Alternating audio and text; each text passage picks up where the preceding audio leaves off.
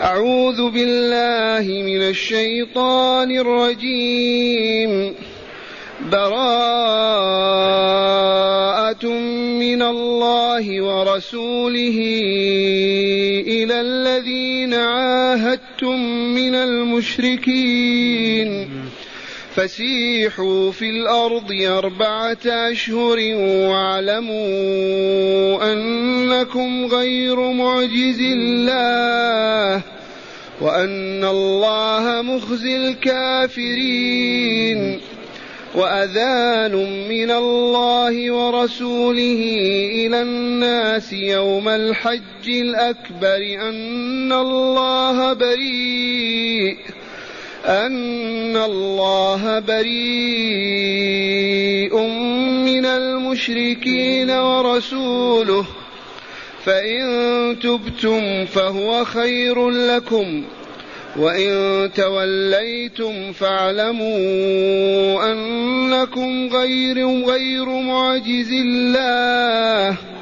وبشر الذين كفروا بعذاب أليم.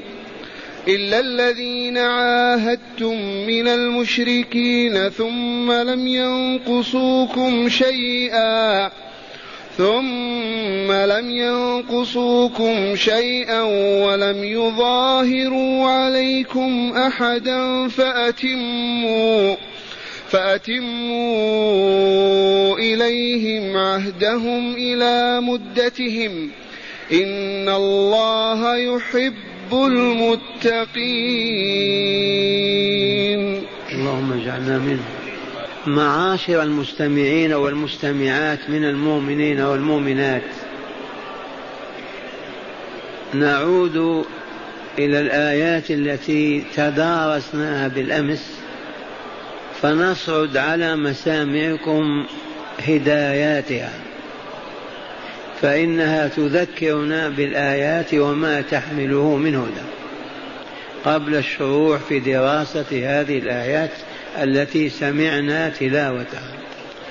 من هداية الآيات اولا بيان تفاوت المؤمنين في كمالاتهم وعلو درجاتهم عند ربهم. وهذا لا يشك فيه مؤمن ولا مؤمنا بيان كمال المؤمنين بيان تفاوت المؤمنين في كمالاتهم وعلو درجاتهم عند ربهم.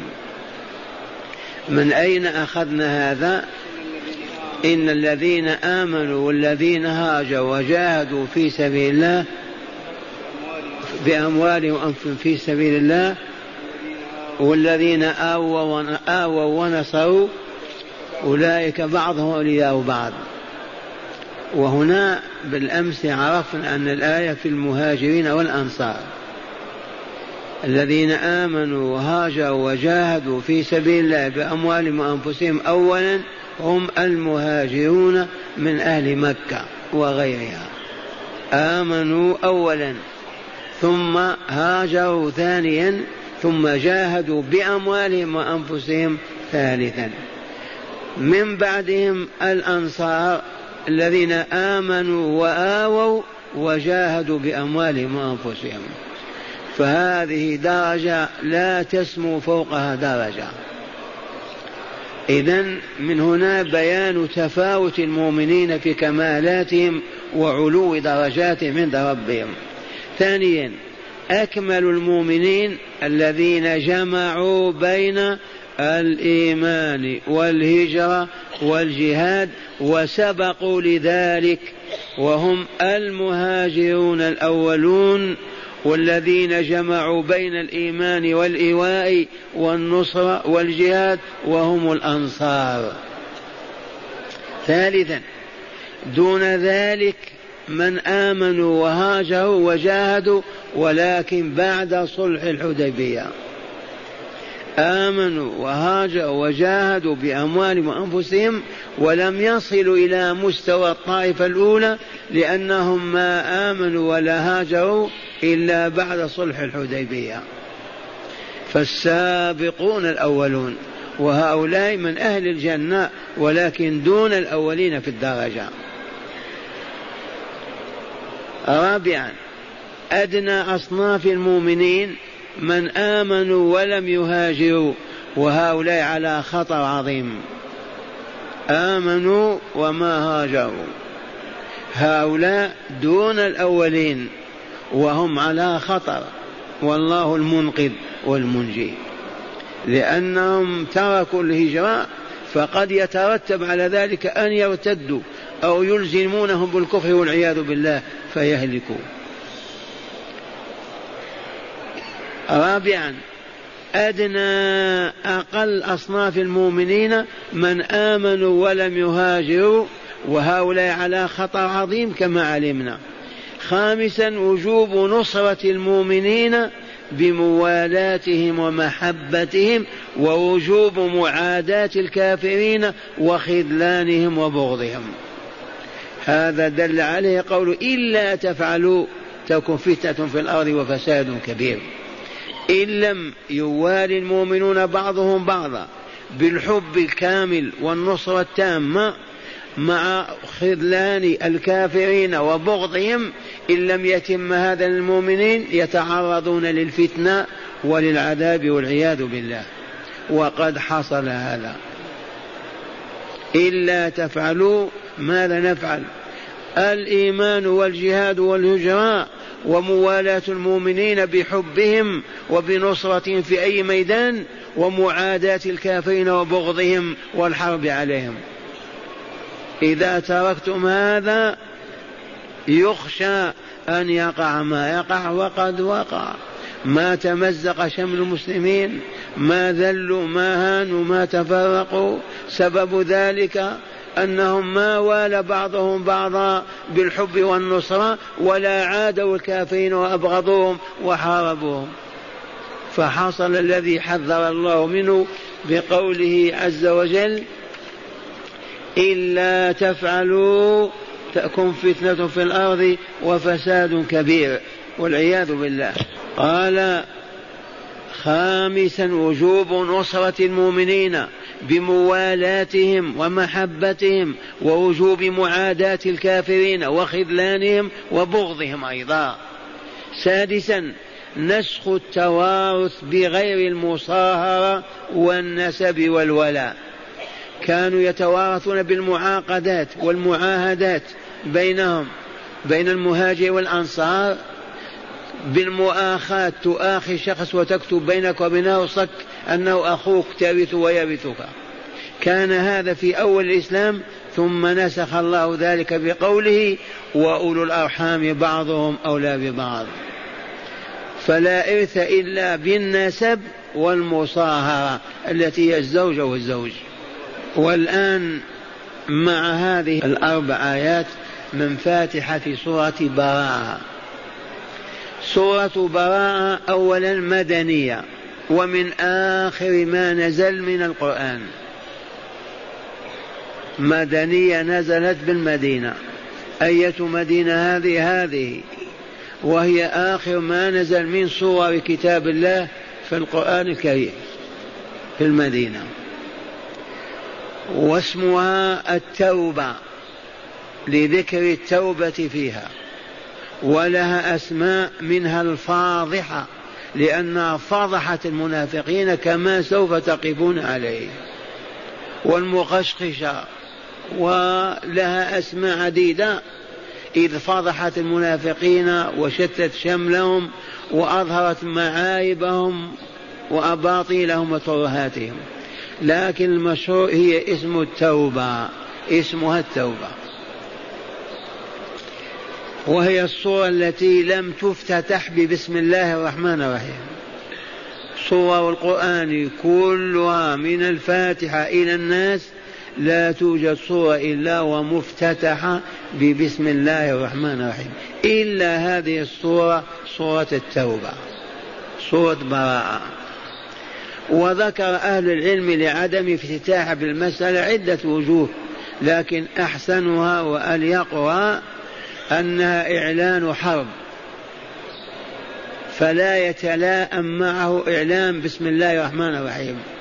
سئل علي عن هذا. قال هذا إعلان حرب وعذاب. كيف نذكر الرحمن الرحيم ثم نعذب؟ براءة. من أين هذه البراءة؟ من الله ورسوله. والمؤمنين تابعون لله ورسوله. براءة هي قطع الصلة نهائيا والوصل والسبب لا صلة ولا سبب تربطنا بهؤلاء الكافرين. لا عهد ولا قرابة ولا وطن ولا أي سبب من الأسباب يربطنا بهم. انقطعت كل الصلات. براءة من الله ورسوله إلى الذين عاهدتم من المشركين. المعاهدات التي كان الرسول يعاهد بها المشركين لصالح الإسلام والمسلمين. وحسبنا صلح الحديبية ومدة عشر سنين. من أجل أن يتنفس المسلمون الصعداء وأن يتمكنوا من السفر والخروج والتجارة وأن يفتح الباب لمن أراد أن يسلم يجد الباب مفتوحا فيسلم. ولهذا كانت المعاهدات بين المؤمنين والمشركين لا تتم إلا لصالح الإسلام والمسلمين. أما أن تكون لغير صالح الإسلام والمسلمين فلا تجوز ولا تحل معاهدة أبدا. فعاهد الرسول كثير من القبائل. ولكن لما كان آخر حياته ونصر الله دينه وأظهر إسلامه بعد غزوة تبوك بعد حجة الوداع. أنزل الله تعالى هذه الصورة وفي هذا الإعلان وهو براءة من الله ورسوله إلى الذين عاهدتم من المشركين سواء كان معاهدة أبدية أو محدودة بزمان طويل أو قصير. كل معاهدة كانت بينكم وبين جماعة أو طائفة أو قبيلة من المشركين. أعلن يا رسولنا البراءة منها. براءة من الله ورسوله الذين عاهدتم من المشركين. فسيحوا في الأرض أربعة أشهر. المعاهدات منها ما هو سنة. أو ست أشهر منها ما هو أربع أشهر خمس أشهر ثلاثة. هذه المعاهدات كلها ألغيت. وأعطوا أهلها أهلها وغيرهم مدة أربعة أشهر ثلث السنة. اللهم إلا من كان لهم عهد ست أشهر مثلا وما نقضوه. ولا ظهرت منهم ظاهرة النقض أو النكث فهؤلاء يوفى لهم مدتهم ولو كانت سنة أو أقل أو أكثر. ما عدا هؤلاء أصحاب المعاهدات التي دون الأربع أشهر أو فوقها وليست محددة بموعد وميقات معين أعطاهم الله مدة أربع أشهر يفكرون فيها. من شاء أن يشرق أو يغرب. يذهب إلى الأحباش وإلى إلى المجوس ولا إلى الروم. لماذا؟ لأن الإسلام انتظم شأنه وعلت رايته وهذه الأرض هي بيضته وقبته والرسول قريب يموت ويلتحق بربه فلم يبق إذا دينان في هذه الأرض. فيا معشر المشركين إن شئتم ادخلوا في رحمة الله ادخلوا في الإسلام تسلموا وتسعدوا وتكملوا وإن أبيتم لكم فرصة أربعة أشهر ثلث سنة. فكروا فيها. وبعد ذلك اذهبوا إلى الشرق إلى الغرب كما فعلتم فإن رفضتم